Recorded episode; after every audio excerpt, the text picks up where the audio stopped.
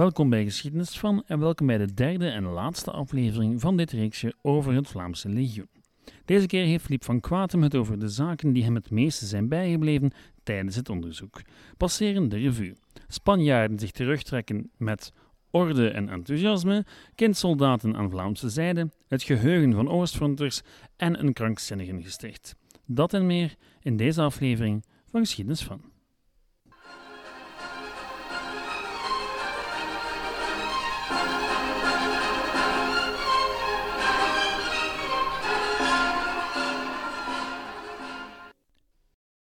In dit derde en laatste deel hebben we het over de verrassende zaken die voortkwamen uit het archiefonderzoek. Noem het de specials of de specialekes. In aflevering 2 hadden we het uitvoerig over de gevechten aan het front. En hierbij kwam een opvallend gegeven uit de Duitse militaire archieven naar voren. Dat was het gedrag van de Spaanse troepen. Vlaamse Oostfronters vochten namelijk lange tijd naast de Spaanse divisie. Die bestond uit Spaanse vrijwilligers voor het Oostfront en in de bestaande literatuur komen die vaak heel heldhaftig naar voren. Uit mijn archiefonderzoek echter bleek eigenlijk net het tegenovergestelde. Elke keer het Vlaams legioen samen met de Spanjaarden het gevecht introk, bleek wat een ongedisciplineerd en onbetrouwbaar zootje dat was. Het werd zelfs onbedoeld een rode draad doorheen het boek. Wanneer bijvoorbeeld begin maart 42 het Vlaams legioen doorheen een dikke laag sneeuw richting Semtici aanviel, moesten twee Spaanse bataljons tegelijkertijd van op de flank mee aanvallen. Zo zouden ze de Russen van drie kanten tegelijk aanvallen en in de tang nemen. Maar dit is niet hoe het liep. Het legioen viel dan wel aan, maar van de Spanjaarden geen spoor. Er kwam ook geen aanval van de Spanjaarden, want die kwamen in een mijnenveld terecht en in plaats van, zoals gebruikelijk, gangen doorheen het mijnenveld vrij te maken, trokken ze om het mijnenveld heen. Dat was gemakkelijker. En dan gingen ze zomaar een andere richting uit. Ze trokken hierbij de Russische stellingen voorbij en lieten de Vlaamse vrijwilligers aan hun lot over. En het tweede Spaanse bataljon, dat volgde daarna nonchalant het eerste. Dus in plaats van een aanval uit drie richtingen die de Russen, als het meeviel, omsingeld had, bleef nu voor het Vlaams legioen op zijn eentje een vele malen moeilijker frontale aanval over. Dat geen van de twee Spaanse bataljons op die dag hun orders uitvoerden en de Russische stellingen ontweken, in plaats van ze met het legioen te veroveren, beletten ze niet de eer voor zichzelf op te eisen. Een oorlogsdagboek spreekt van het ontzetten van het dorp, het toebrengen van grote verliezen aan de vijand en het buitmaken van een aanzienlijke hoeveelheid oorlogsmateriaal. De Spaanse divisie loofde verder nog de beide bataljons voor hun uitmuntende houding. Dit was geen alleenstaand geval, want wanneer maanden later, eind juni 42, het Vlaams legioen aanviel doorheen de Samaskoye-moerassen, was de samenwerking zo mogelijk nog slechter. Vroeg in de morgen waren de Vlaamse soldaten aangetreden voor de aanval. Het Spaans bataljon was niet opgedaagd. Het daagde niet alleen niet op, het moest gezocht worden. Een uur later pas bleek tot verbijstering van allen dat het veel te vroeg en helemaal op zijn eentje in het niemandsland was opgerukt. Nu was het alle zeilen bijzetten om aansluiting met het bataljon te krijgen. Het misverstand gooide alle tijdschema's van de overige ingezette troepen en de vuurschema's van de artillerie in de war. Ook de Spaanse artillerie vulde de verwachtingen niet in en de geplande donderslag op de Russische stellingen gebeurde gespreid over een langere tijd, zodat het schokeffect helemaal verloren ging. Het aanvallende Spaanse bataljon bleef dan ook nog onmiddellijk onder het vijandelijke vuur liggen. Voor hen lagen Russische stellingen opgebouwd uit boomstammen. Opnieuw was het dan maar aan het Vlaams legioen om die stelling in te nemen. Maar daarmee was de koos nog niet af. Het achtergebleven Spaanse bataljon trok dan toch naar het noorden, maar bleef een slechte beurt maken. Het rukte op buitengewoon nonchalante wijze op, zonder de natuurlijke dekking van het terrein te benutten. Het werd daardoor hevig onder vuur genomen, raakte dan ver, verzeild in een mijnenveld en leed grote verliezen. Het bataljon hoorde mee met het legioen opnieuw aan te vallen, maar bleef gewoon in zijn stellingen liggen. Het bataljon was gedemoraliseerd en tot niets meer in staat. Daarboven hadden de Spanjaarden bij de opmars heel veel munitie achtergelaten en zelfs weggegooid. En nu raakte die in het moeilijke terrein niet meer opnieuw aangevuld. Ze hadden ook helemaal geen bevoorrading georganiseerd. Dus in plaats van aan te vallen, trok het bataljon zich zelfs een stukje terug. Delen ervan raakten in een paniekstemming en desintegreerden. Sommigen gooiden hun uitrusting weg en zetten het op een lopen. In het Duitse gevechtsbericht klonk het zo. Onder deze omstandigheden verbreidde zich onder de Spaanse troepen een stemming die gedeeltelijk zelfs ontaarde in een paniekerige vlucht. Mannen, zelfs officieren, gooiden wapens en uitrusting weg. Het Spaanse oorlogsdagboek daarentegen verwoordde het allemaal net even anders. Sommige dingen zou je niet kunnen verzinnen. Het Spaanse oorlogsdagboek hield het erop dat ze met orde en enthousiasme terugtrokken. Dus ook hier was het zo dat in plaats van een gecoördineerde aanval met drie bataljons, enkel het Vlaams legioen in een veel gevaarlijker frontale aanval naar voren trok en op zijn eentje de kastanjes uit het vuur diende te halen. Ook het volgende jaar, tijdens de stellingenoorlog voor Leningrad, was de betrouwbaarheid van de Spaanse divisie wisselvallig. Op wacht staan, ja, dat deden de Spanjaarden niet altijd. Soms vonden ze het maar koud of nat en dan bleven ze liever in hun bunkertjes zitten. Omdat Russische patrouilles dan soms per grote verrassing vanuit de Spaanse kant de Vlaamse loopgraven indoken, installeerden de Vlaamse legioenmannen op de duur een klok in de loopgraven om te luiden wanneer er beweging te zien was in het niemandsland voor de stellingen. Ze luiden dus die klok, niet om alarm te slaan voor het Vlaams legioen, maar om zeker te zijn dat de Spanjaarden wakker waren en inderdaad op post stonden. Geloof het of niet, in de collectie van een collectioneur ontdekte ik een foto van een loopgraaf met die klok. Het ontdekken van pakkend fotomateriaal was soms een verhaal op zich. Research en archiefonderzoek, veel mensen zullen dat saai noemen, maar je trekt je echt op aan grote en kleine vondsten. In het archief van het ADVN in Antwerpen bijvoorbeeld ontdekte ik tal van foto's die soms exact de gebeurtenissen toonden uit het oorlogsdagboek. Vaak met de datum en locatie erbij. Het is telkens geweldig om te zien hoe zaken uit verschillende bronnen soms perfect samenkomen. Zo vond ik ook een foto van de panzertrein van het legioen. Het is niet geweten wie op het idee kwam, maar in december 1941, toen het legioen zowat lag te bevriezen in afgelegen stellingen, werd een oude Russische panzertrein in gebruik genomen, waarmee het Vlaams legioen doorheen het niemandsland patrouilleerde. Het is slechts een obscuur stukje geschiedenis, tot je heel onverwacht op een duidelijke foto stoot van die trein. En dan komt ook alles in één keer tot leven. Die gebeurtenissen krijgen dan plots een gezicht. Het doet ook wat onwezenlijk aan wanneer de archieven spreken over de bemanning van een kanon, die hun geschut in de aanval naar voren sleuren, doorheen de moerassen, en je een foto ontdekt van net die gebeurtenis, met datum en plaats in potlood geschreven op de achterkant van de foto. Uitgeputte mannen met vuile gezichten slepen een kanon doorheen een zuigend moeras voert. Ongelooflijk eigenlijk. Ander archiefmateriaal dat ik opspoorde lag in het Bundesarchief in Duitsland, het archief van de strijdkrachten in Praag, de National Archives in Amerika en het Militair Archief van Avila in Spanje. Waarom nu al die buitenlandse archieven?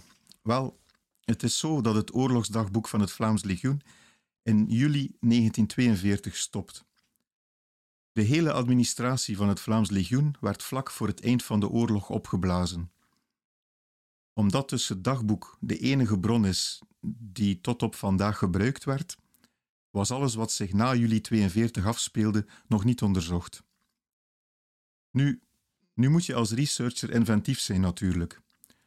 Omdat het Vlaams legioen in een Duits regiment of brigade stak, en vaak samenvocht met de Spanjaarden, trok ik de Duitse en Spaanse archieven in en ik vond er tienduizenden pagina's. Met andere woorden, er was wel degelijk veel materiaal om de leemtes aan te vullen. Die archieven waren in 80 jaar nooit onderzocht, dus doe je ontdekkingen. Plots waren er spectaculaire kaarten van het front te vinden, zonder de welke je de gevechten niet kan volgen. Sommige zaken bleken anders in elkaar te steken en sowieso krijg je een veel bredere blik op de gebeurtenissen. En dan stel je ook fouten vast. Een voorbeeld is opnieuw het oorlogsdagboek van het Vlaams Legioen. Toen het legioen in januari 42 naar het front trok, bleef de soldaat die dat dagboek bijhield achter in Letland. Dat is belangrijk om te weten natuurlijk. Goed geïnformeerd was hij dus niet, en zo zijn sommige aantekeningen veel te kort of onvolledig, of slopen er fouten in het oorlogsdagboek. Zo zou het Vlaams Legioen in januari 42 en maart 42 telkens een dorp veroverd hebben. Maar uit de Duitse archieven blijkt dat dit in werkelijkheid niet zo gebeurd is. Voor het dorpje Semtici bijvoorbeeld staat op zeker moment in het oorlogsdagboek te lezen dat de Vlaamse Oostfronters zich uit dat dorp terugtrokken. Maar er staat niet geschreven dat in dat dorp dan nog altijd een paar honderd soldaten van de Weermacht achterbleven. Wanneer begin jaren 70 Oostfronters hun eigen geschiedenis schreven, vielen ook zij terug op het oorlogsdagboek met zijn fouten en onvolledigheden, en werden dit soort zaken niet altijd meer goed begrepen. Plots werd het verlaten dorp dan zogezegd weer heroverd. Het was heel vreemd om vast te stellen dat zelfs zij, die er zelf bij waren, niet altijd meer goed wisten hoe bepaalde dingen gebeurd waren. De blik van een kleine soldaat reikte duidelijk niet ver. Nu, genoeg over archiefonderzoek. Een ander topic waar ik het even over wil hebben, is het voorkomen van kindsoldaten. Het zal misschien verrassen, maar samen met de Vlaamse Oostfronters vertrokken ook een aantal kindsoldaten. Begeesterd door de propaganda gaven soms ook halve kinderen zich op als vrijwilliger. 16-jarigen, maar zelfs ook 15- en 14-jarigen vervalsten hun identiteitskaart en trokken mee naar Rusland.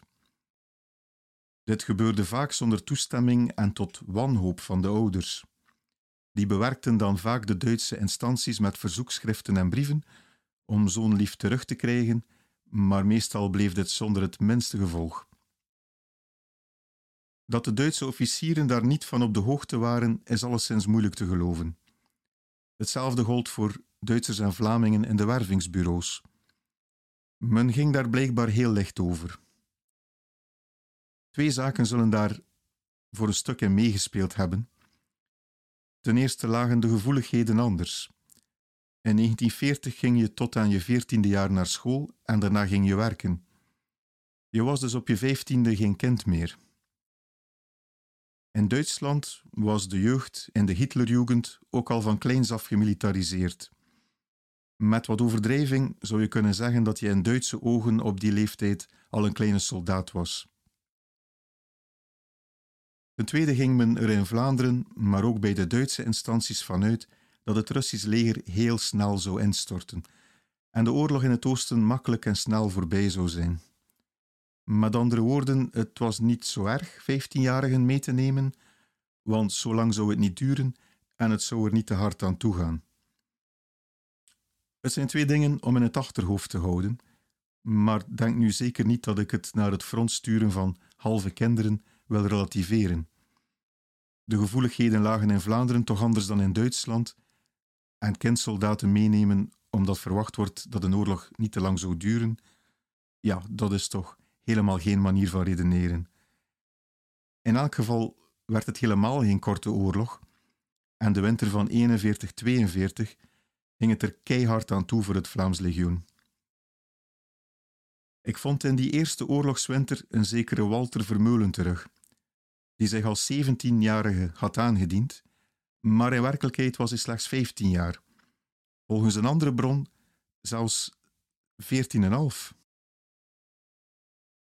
Het is toch wat chockerend die 14 of 15-jarige Walter aan te treffen op een van de slechtste plekken van het hele front.